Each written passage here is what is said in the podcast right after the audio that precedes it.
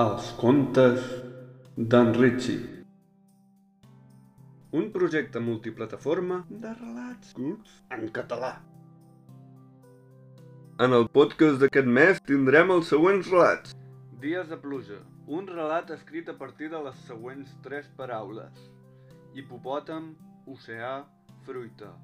Un altre conte escrit amb tres paraules. En aquest cas, les paraules són cotxe, sofà, escales. També tindrem un conte amb falsa censura i la versió del mateix conte sense censura. I per acabar, un experiment amb aquest relat censurat. Si l'experiment surt bé, sentireu el conte d'una manera o d'una altra. Això dependrà de si el vostre dispositiu té un o dos altaveus.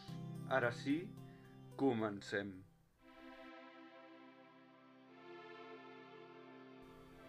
Encara recordo quan van prohibir anar a la feina els dies de pluja. Treballeu des de casa, ens deien. Ja hi esteu acostumats, afegien. Des de la Covid que treballeu des de casa. Ja sabeu com funciona, deien. I aquí estic, fent la reunió des de casa un dia de pluja. I així serà cada dia que plogui. Aquell dia que vaig anar al zoo, vaig veure com un hipopòtam es menjava una fruita.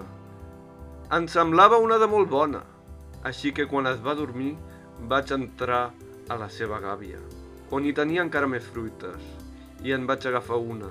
En fer-li la primera mossegada, que bona que era! Tot el suc de la fruita em va entrar per la gola. De tant suc que hi havia, semblava que em begués un oceà. Aquell dia, mentre anava a buscar el cotxe, vaig pensar Ho diu les escales mecàniques, es mouen tota l'estona, i així és impossible netejar-les. A més, si caus, et fas molt de mal, ja que no paran de bellugar-se, haurien de ser toves, com un sofà. Atenció, aquest conte no s'apta per a menors de 16 anys. Si en teniu menys, canvieu d'àudio. Gràcies. Aquell matí em vaig despertar malhumorat per culpa del soroll del timbre. Qui podia trucar tant d'hora?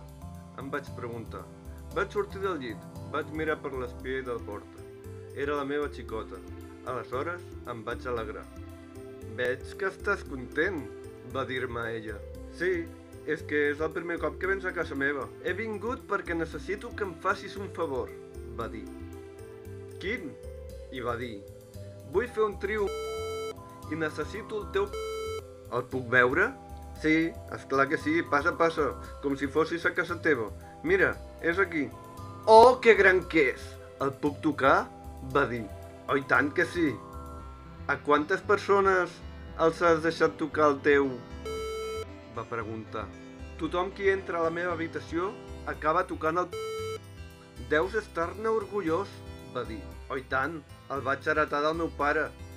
Ja veig que presumeixes de i de pare, va afegir. Sense l'ajuda del meu pare, no l'hauria après a tocar.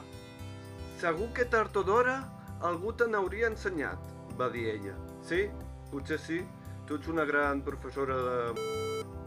En una altra vida tu hauries sigut la meva professora. Sí, però el meu somni és fer un triomf i deixar de donar classes, va respondre. Li vaig deixar el meu que el vam haver de entre els dos.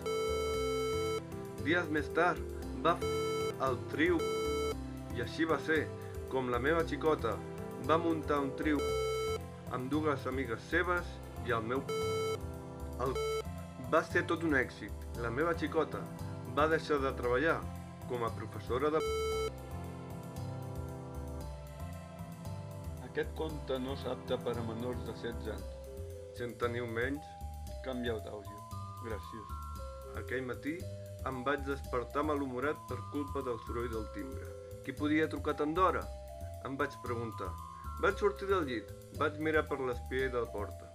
Era la meva xicota. Aleshores em vaig alegrar. Veig que estàs content, va dir-me ella. Sí, és que és el primer cop que vens a casa meva. He vingut perquè necessito que em facis un favor, va dir. Quin?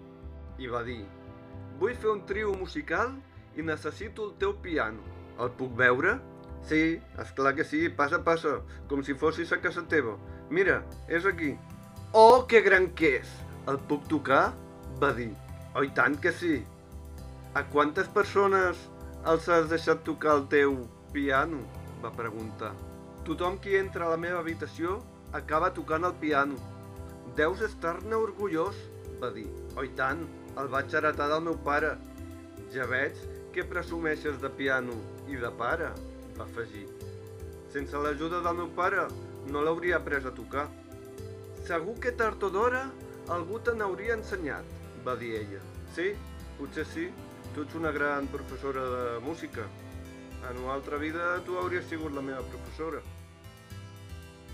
Sí, però el meu somni és fer un trio musical i deixar de donar classes, va respondre. Li vaig deixar el meu piano, que el vam haver de baixar entre els dos per les escales. Dies més tard va fundar el trio musical, i així va ser com la meva xicota va muntar un trio musical amb dues amigues seves i el meu piano. El grup va ser tot un èxit. La meva xicota va deixar de treballar com a professora de música. Gent, gent, l'experiment és un fracàs. Resulta que la plataforma on penjo el podcast ajunta les dues pistes, és a dir, m'espia l'efecte. Això vol dir que trobareu l'experiment en un enllaç a la descripció d'aquest podcast. Una abraçada i fins aviat. I fins aquí els contes d'aquest mes. Espero que us hagi agradat. I recordeu que podeu gaudir d'aquest projecte en diferents formats, àudio, text i vídeo. Trobareu tota la informació a la descripció d'aquest podcast. Fins aviat!